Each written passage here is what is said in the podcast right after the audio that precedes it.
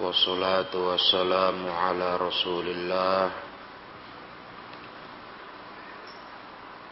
وعلى آله وصحبه ومن والاه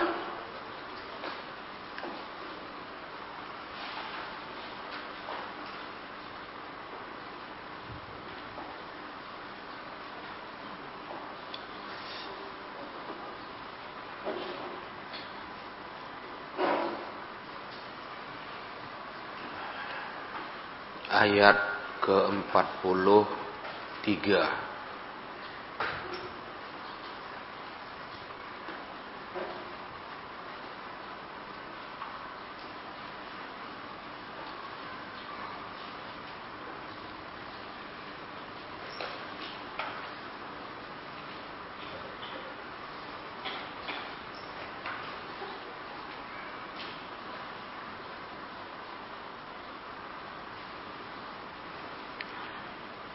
قال الله تعالى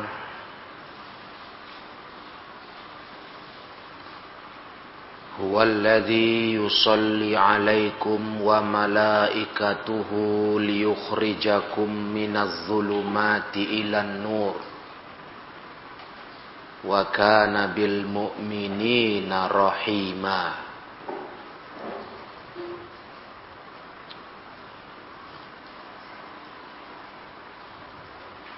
Dialah Allah yang telah memberikan rahmatnya kepada kalian. Itu makna yusalli alaikum.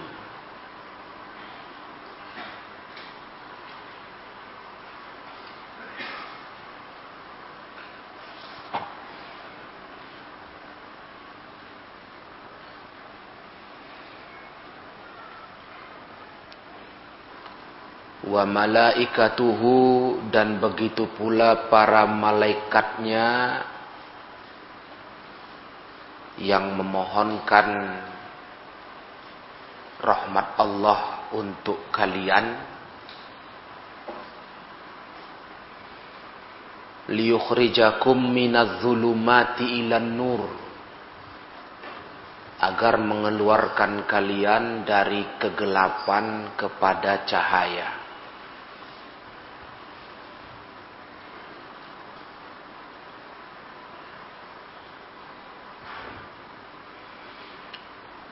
dan adalah Allah terhadap orang-orang yang beriman itu maha penyayang.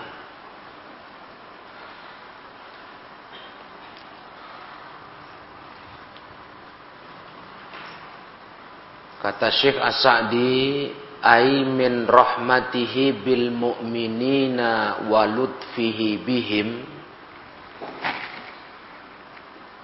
termasuk dari sayangnya Allah kepada orang beriman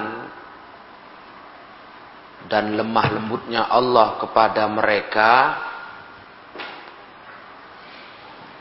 Anja'ala min solatihi alaihim wasanaih Allah menjadikan dari solatnya atas mereka yaitu ampunannya rahmatnya. Dan pujiannya wasolati malaikatihi wa du'aihim dan solawat para malaikatnya dan doa mereka permohonan dari malaikat untuk orang beriman ma yukhrijuhum min zulumatiz zunubi wal jahli ila nuril iman wat taufiq wal ilmi wal amali. Yang mana itu menyebabkan mereka dikeluarkan dari kegelapan dosa dan kebodohan. Karena solawatnya Allah rahmat Allah kepada mereka orang beriman dan para malaikatnya pun mendoakan itu. Itu menyebabkan orang beriman keluar dari kegelapan dosa dan kebodohan kepada cahaya iman dan taufik, bimbingan dan ilmu serta amalan. Nah, itulah bentuk sayang Allah ke kita. Allah rahmati kita. Allah berikan izin ke malaikatnya mendoakan kita. Sehingga orang beriman itu selamat dari kegelapan dosa dan kebodohan. Mereka mendapatkan cahaya iman, cahaya ilmu, cahaya amal, cahaya bimbingan Allah. Fahadi a'zamu ni'matin. Ini sebesar-besar nikmat. An'ama biha 'alal ibadit ta'i'ina. Yang Allah berikan nikmat itu kepada para hamba yang taat. Hmm. Jadi hamba yang taat itu terbimbing dengan kenikmatan ini. Inilah istimewanya orang taat yang beriman. Ya, orang taat yang beriman. Harus begitu karena tak ada istilah taat kalau tanpa iman. So, amalan itu dihitung taat kalau kita beriman. Amalan itu dihitung baik kalau kita beriman. Ya. Kalau tanpa iman, amalan sebaik apa pun itu tak dinilai baik. Nah, gak laku. Tidak tercatat jadi kebaikan di sisi Allah kalau nggak beriman. Nah, begitu. Jadi orang-orang yang beriman yang mendapatkan kenikmatan ini, ini adalah kenikmatan terbesar. kenikmatan terbesar. Ketika mereka taat kepada Allah Ta'ala, itulah berkahnya taat. Orang taat itu terbimbing dengan rahmat Allah dan doa malaikat. Itu ayatnya. Ayat 43 surah Al-Ahzab. Itu makna Allah bersolawat kepada kita, kepada kalian hai orang beriman dan dan begitu pula para malaikat. Yang mana itu tastad'i minhum syukroha. Mendorong mereka untuk mensyukurinya. Karena nikmatnya besar kali, mahal. Mendorong mereka mensyukurinya. Wal iktsara min zikrillah. Ah, banyak-banyak berzikir. Kayak pelajaran yang lalu. Ayat sebelum ini apa? Nah. Wazkurullaha zikran katsira. Jadi kita bersyukur diberi nikmat ini oleh Allah dan cara syukurnya salah satunya banyak-banyak berzikir. Masih ingat nggak pelajaran kami selalu? Paling tidak kata Syekh As-Sa'di, jaga zikir habis sholat wajib. Hah? Paling tidak itu banyak berzikir tuh paling tidak jaga zikir habis sholat wah, wajib. Nah, itu di antaranya. Itu paling tidak. Kalau itu aja pun sudah enggak, macam mana lagi? Enggak ada lah zikirmu. Hah. Zikir pagi sore. Itu paling tidak. Nah, yang utama kali itulah habis sholat wajib. Nah, ini bisa dipahami apa enggak ini? Semestinya enggak tunggu dulu mulai membuat peraturan larangan santri keluar masjid 5 menit paling lambat, paling lambat setelah salam. Perlu pakai gitu lagi? Hah? Ah, kelas 1. Ini kelas-kelas baru ini kupingnya belum terbuka bersumpatan masih tumpat jangan pakai peraturan dulu karena satu peraturan itu yang bikin masalahnya apa Rupanya memang ada di antara kalian yang memang mungkin bermasalah perutnya. Habis salam dia mau ke kamar mandi. Kan repot kalau ada peraturan. Lima menit paling tidak duduk kalian habis salam. Zikir. Nah, jadi nggak mesti ada itu dulu. Eh kelas satu. Kalau belajar nggak dengar tuh gitulah nanti. Iya. Jangan tunggu ada peraturan dulu. Dilarang. Keluar masjid lima menit setelah salam. Habis itu baru boleh keluar. Kan gitu. Karena kayaknya nggak nggak juga berkurang juga penyakit itu. Mesti habis salam lari, habis salam lari. Ada apa itu? Ada setannya pasti. Ya, jadi jangan dulu. Tunggu dulu nanti ada peraturan baru patuh. Sadarlah. Jadi kalau memang betul ada betul darurat, nggak perlu dia melanggar peraturan, kan gitu kan? Nah, nggak perlu. Nah, terakhir nanti kalau udah pakai peraturan, dia pun kena, padahal dia darurat.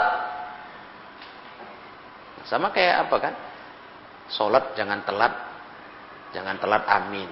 Jangan telat amin, jangan telat ruku. Akhirnya ada yang memang batal. Kena lah dia. Padahal dari awal sholat dia ikut sama, sama jamaah. Nah, sampai dia rokat kedua, batal. Ya sudah, kenal. Harus keluar, masuk masjid udah telat, masbuk. Nah harusnya gini, sebenarnya ini nggak usah kena harusnya. Cuman gimana mengontrolnya gara-gara peraturan itu. Nah, terakhir pukul rata. Pokoknya kau telat. Udah kena berdiri. Nah itu gara-gara seperti itu. Jadi jangan tunggu dulu ada peraturan.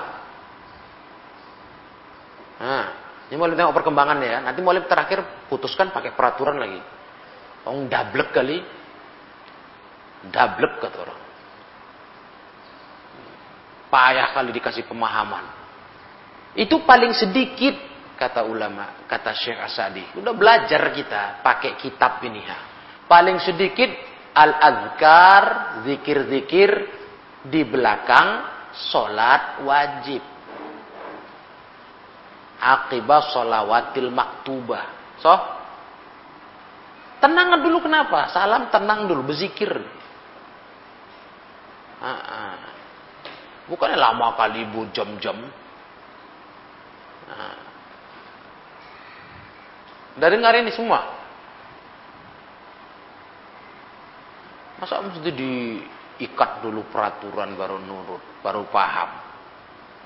Nah, ada aja, nggak pernah sepi, nggak pernah nggak ada keluar, pasti ada.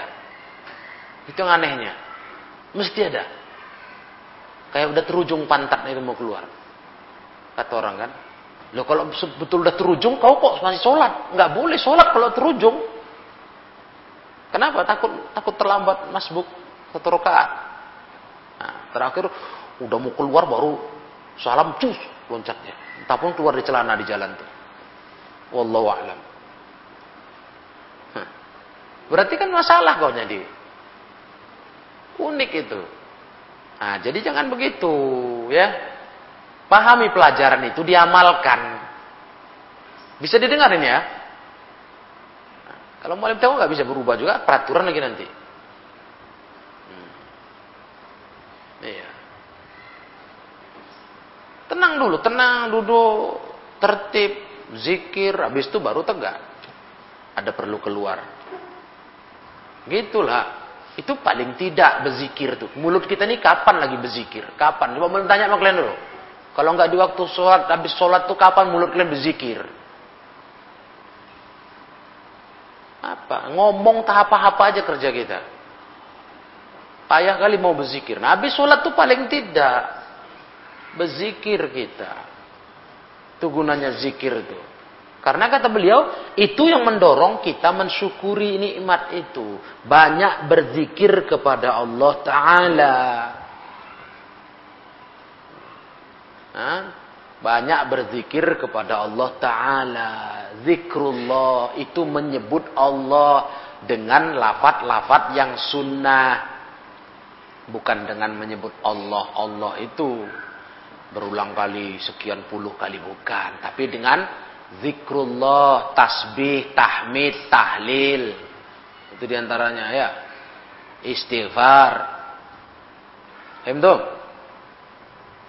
Nah, didengarlah itu pelajarannya itu. Diingat. Dipasang tekad. Aku habis sholat berzikir aku. Kecuali darurat. Aku harus keluar. Kenapa malah bilang gitu? Karena dilirik juga. Eh, ada yang bukan dia keluar betul ke kamar mandi. Naik tangga dia. Nah ini kan bedogol tadi nih. Bukan darurat. Ngapain kau menaik tangga ke kamar?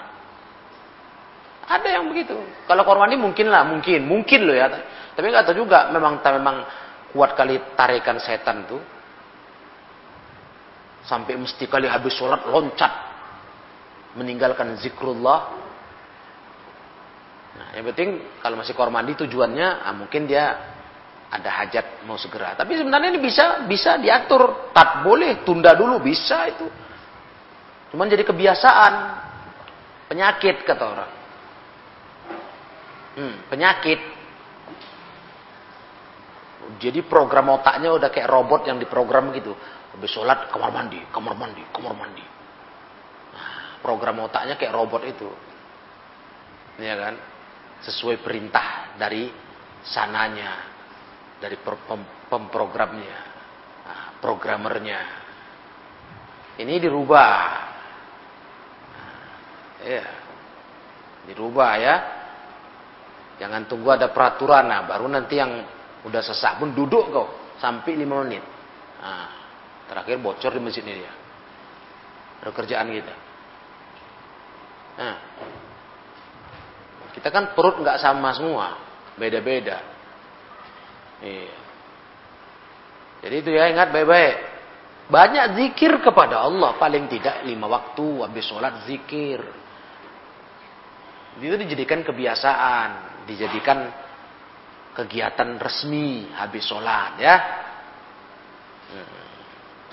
Alladzi latafa bihim wa rahimahum. Yang Allah berlemah lembut ke mereka dan menyayangi mereka. Hamba-hamba yang beriman ini.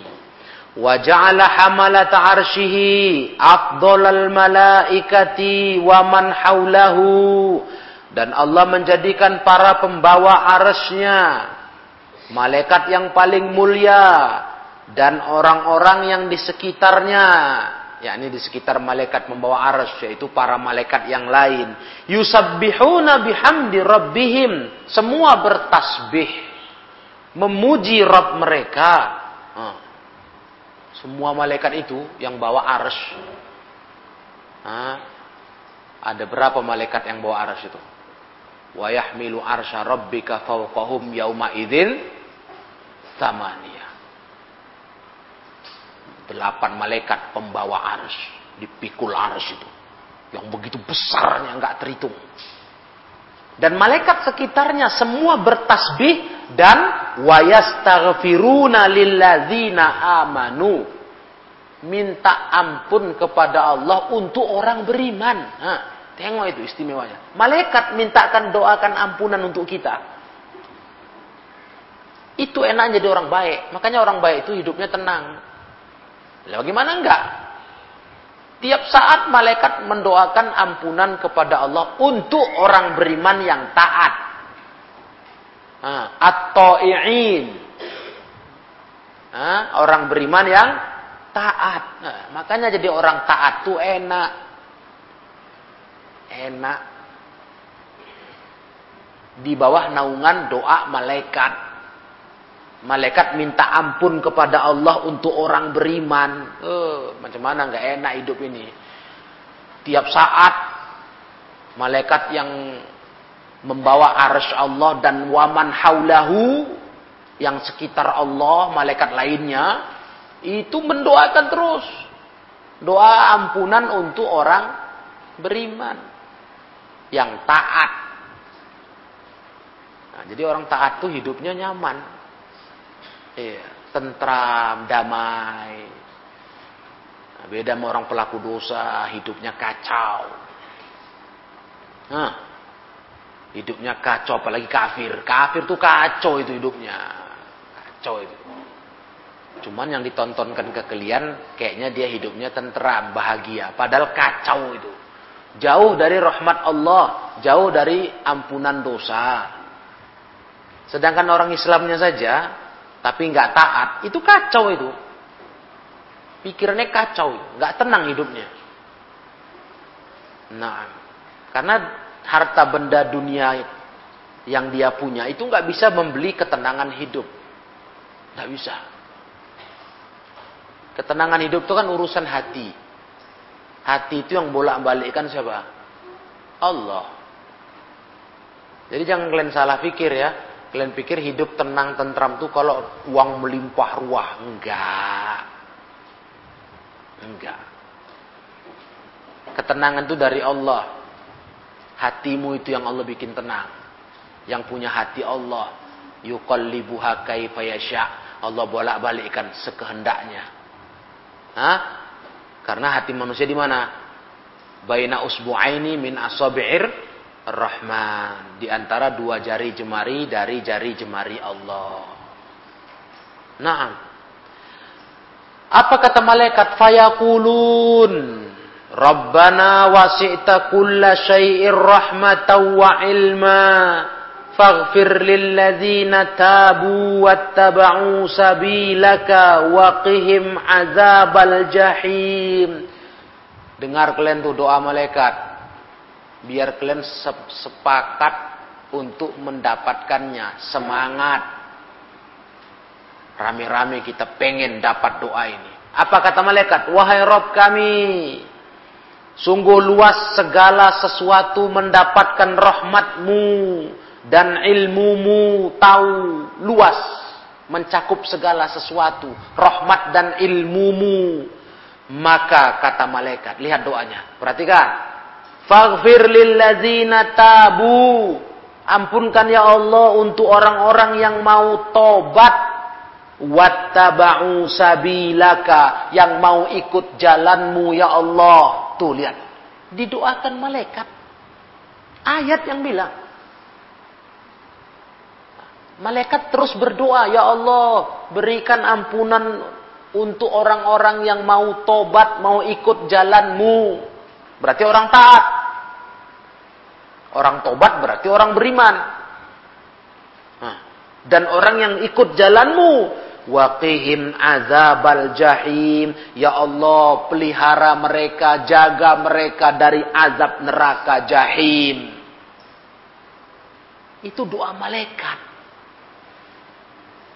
Jadi bukan cerita ecek-ecek ini. Ah, mana pula gitu. Nah, ini ayat yang bilang.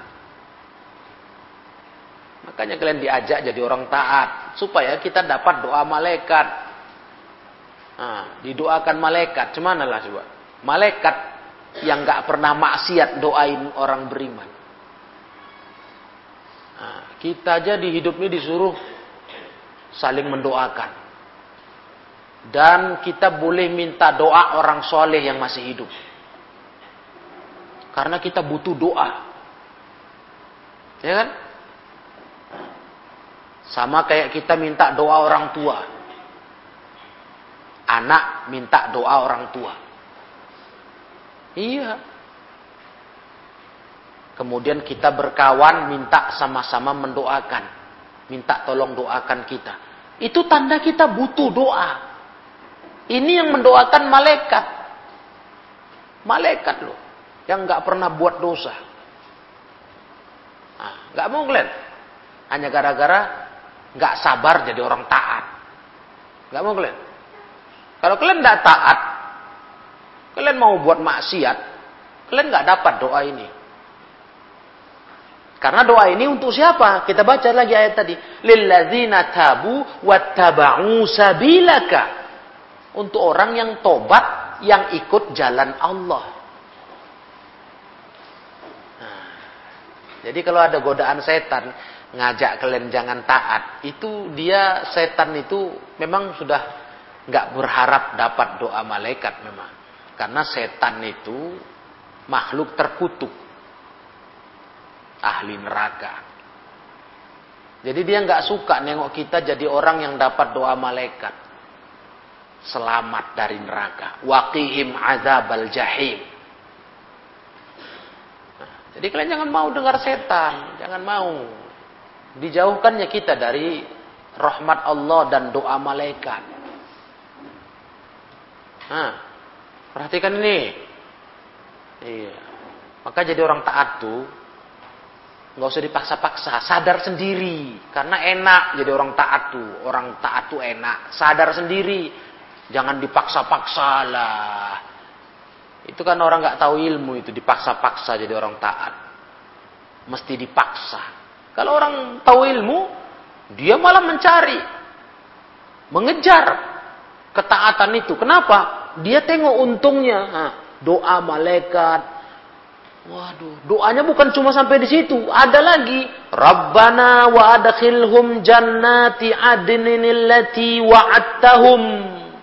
Ya Allah, masukkan mereka ke dalam surga Aden yang engkau janjikan untuk mereka. Masya Allah. Habis didoakan malaikat, diampunkan dosa kita, dijaga dari neraka, terus didoakan masuk surga. Hmm, luar biasa. Untungnya jadi orang beriman yang taat. Kemudian dilanjutkan lagi waman solaha min abaihim wa azwajihim wa dzurriyyatihim. Begitu pula ya Allah masukkan orang-orang yang soleh dari bapak-bapak mereka, istri-istri mereka, anak turunan mereka ke dalam surgamu. Kata ulama, apa kalian gak mau nanti di surga kumpul lagi sama orang tercinta? Kamu gak?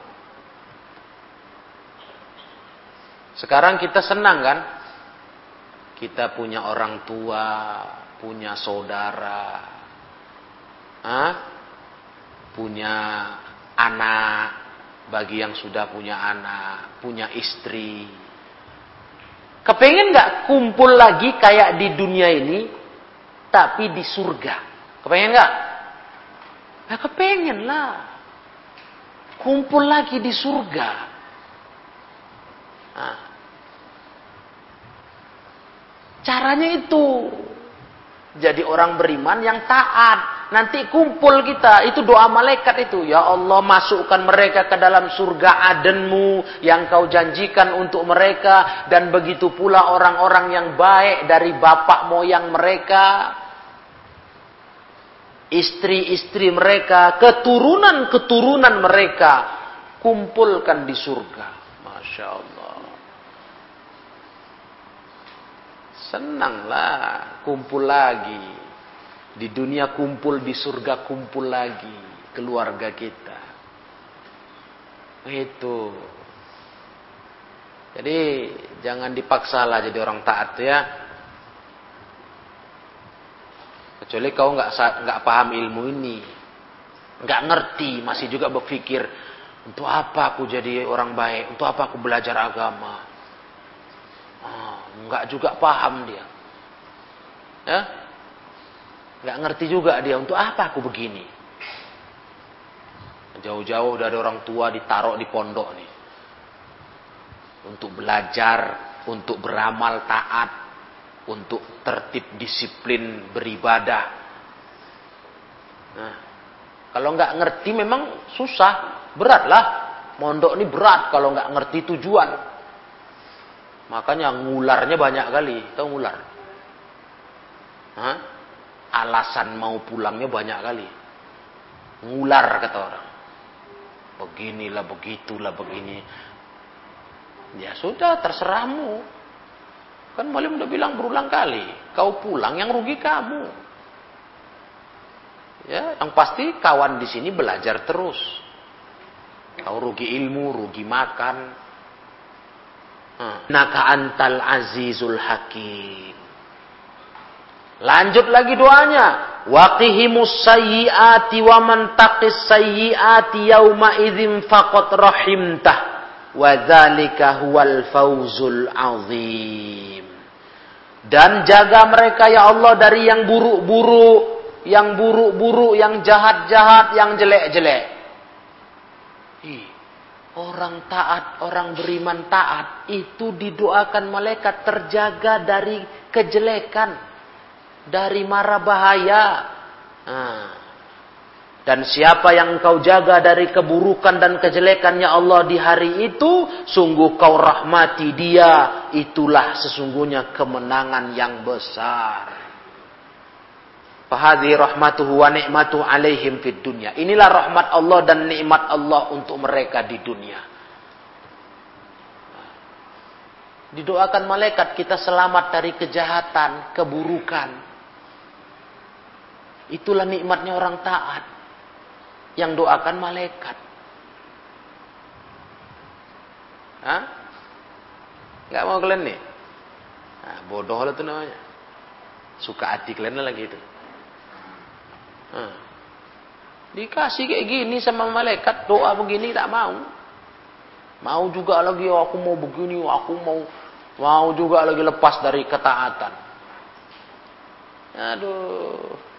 Tengok ini doa malaikat panjang betul dalam ayat ini. Subhanallah. Jadi sekali lagi dengar, hai penuntut ilmu, jadi orang beriman dan taat itu nikmat Enak loh. Enak. Tenang, tentram, nyaman. Nah, kacau pikiran, enak. Kalau maksiat kita gelap hati kita, otak kita suntuk, nah, kacau, gelisah. Kalau maksiat, tapi itu tadi, jadi orang beriman baru taatnya ber, berlaku. Nah, ya kan? Nggak bisa enggak lah. Hmm, nggak bisa enggak.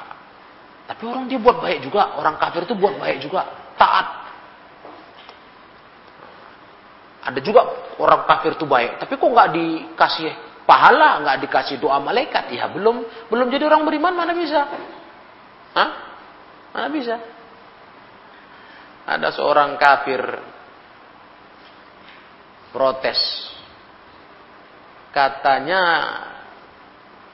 Tuhan kalian maha adil. Dia seorang seorang lulusan universitas. Doktor. Katanya Tuhan kalian adil.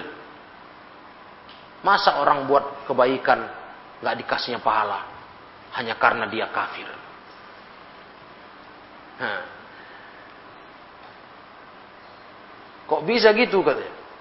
Kalau adil itu dikasihlah pahala, dikasihlah balasan, namanya buat baik. Hmm.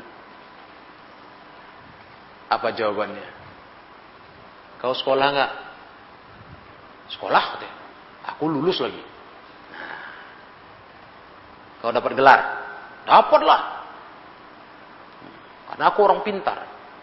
Aku sekolahan.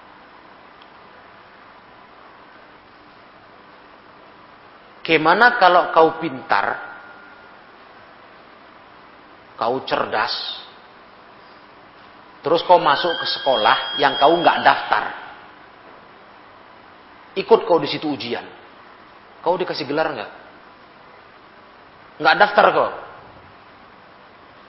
Ikut aja ujian situ.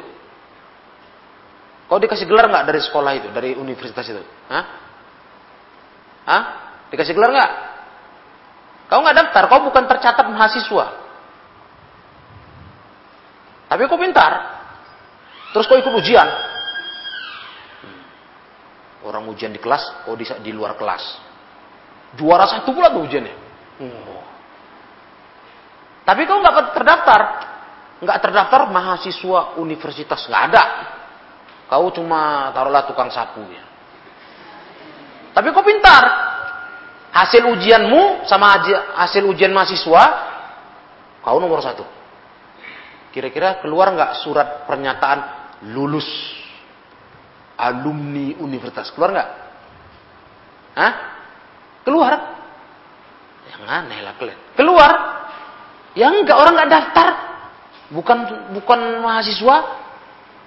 Ah, macam mana mau bilang lulus dari universitas itu? Dia bukan mahasiswa itu kan sapu.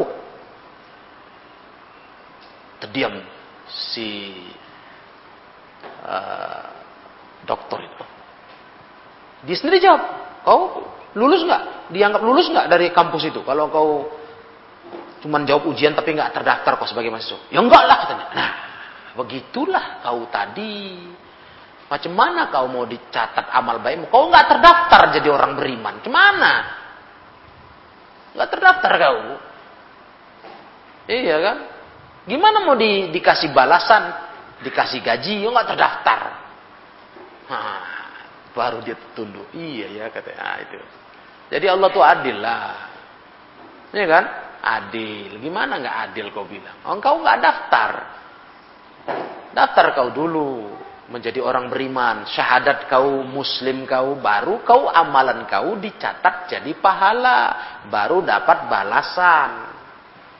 Sama kayak orang tadi, mau pintar kayak mana pun, ujian juara satu, kalau kau bukan seorang mahasiswa, bukan santri kalau kita, macam mana kau mau dibilang alumni?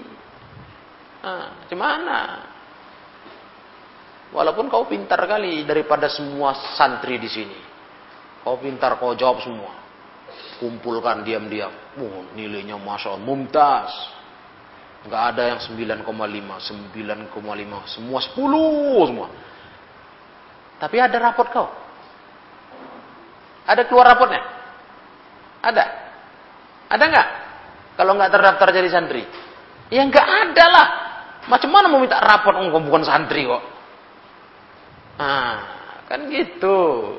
Jadi daftar dulu, baru amalanmu dicatat Allah. Daftarnya jadi orang beriman, masuk Islam. Paham dong? Hmm. Jadi Allah adil ya. Kenapa harus beriman? Baru taat, baru dapat balasan doa-doa malaikat. Ah, iyalah. Kita harus masuk dulu dalam kategori orang beriman daftar dulu jadi orang Islam gitu. Ya orang kafir mau baik kayak mana pun nggak laku. Orang kafir beramal soleh bangun masjid. Hmm, besar nggak pahalanya kalau orang Islam itu? Wih, man bana lillahi masjidan banallahu lahu baitan fil jannah. Siapa membangun satu masjid, Allah bangun rumah di surga untuknya. Bagaimana orang kafir dapat itu? Oh dia nggak terdaftar jadi orang beriman. Ya kan? Macam mana mau dikasih balasan surga, rumah di surga? Dia belum terdaftar. Nah, macam mahasiswa tadi, pintar pun dia. Kalau belum terdaftar mana keluar gelar lulus pengakuan lulus dari kampus. Orang dia bukan mahasiswa. Ya, tukang tuman, tukang sapu atau cleaning service. Ya kan? Mana mau dapat gelar dari kampus walaupun pintar. Nggak bisa lah. Mana mana ada ceritanya itu. Ada ceritanya. Hmm. nggak ada ceritanya. Terus bisa dapat gelar. Nah, walaupun pintar dia bisa ujian dan sebagainya. Naam. Dah paham kalian ini? Intinya apa tadi? Beruntung jadi orang taat tuh ya. Nah, doa malaikat rahmat Allah. Malaikat itu mendoakan kita nggak putus-putus. Enggak semangat jadi orang taat itu semangat. Jadi orang baik itu semangat. Bukan malah otakmu mau berpikir mau berhenti dari kebaikan, berhenti dari kebaikan. Aduh, malah berlomba kalian bekerja kejaran siapa yang paling terbaik di antara kami. Itu harusnya. Yang paling terbaik di depan Allah Ta'ala. Paling taat. Lomba-lomba. ya Bukan malah bermalas-malasan. Berencana-berencana. Yang rugi pun kamu. Kalian yang rugi. Mana pula yang lain rugi. Keluar komondo nggak belajar yang rugi kau. Mana pula rugi yang lain? Hmm. Mana ada? Kau yang rugi. Hah? Jadi jangan rugi ya hidup nih. Kesempatan sekarang bisa jadi orang baik ini manfaatkan. Belajar yang betul. Biar jadi orang taat.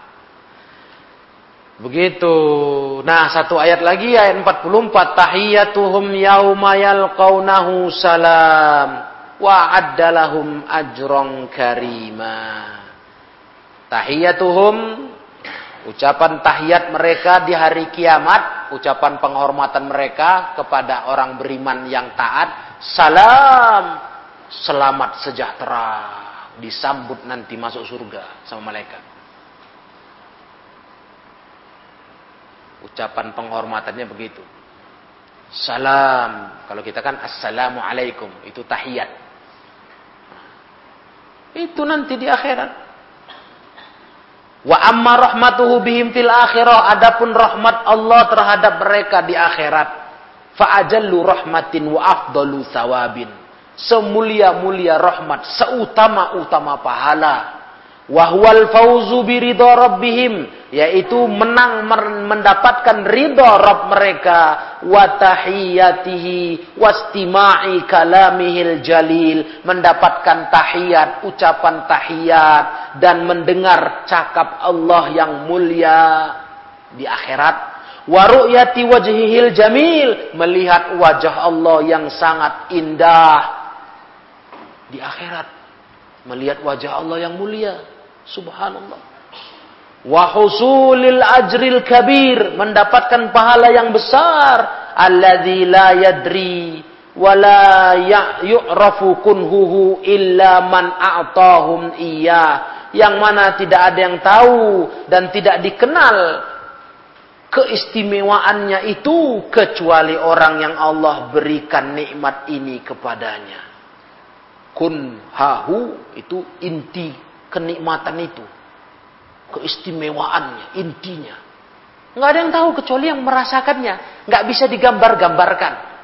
Kira-kira, nggak bisa. Itu hanya bisa tahu orang yang diberi. Nah, nikmat di surga itu. Nengok wajah Allah. Mendengarkan suara Allah.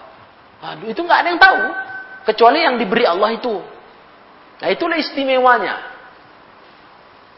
Nah, ini cemana nggak kepingin kita di surga, eh di dunia kita tenang hidup, tentram, dapat doa malaikat, nyaman, nah, hidup enak. Di akhirat dapat apa? Tahiyat dari Allah, nah, penghormatan dari Allah Taala, dapat melihat wajah Allah yang mulia, dapat surga. Wah, sodap betul itu. Nah, mana nggak mau kayak gini? Dikasih yang enak-enak nggak mau.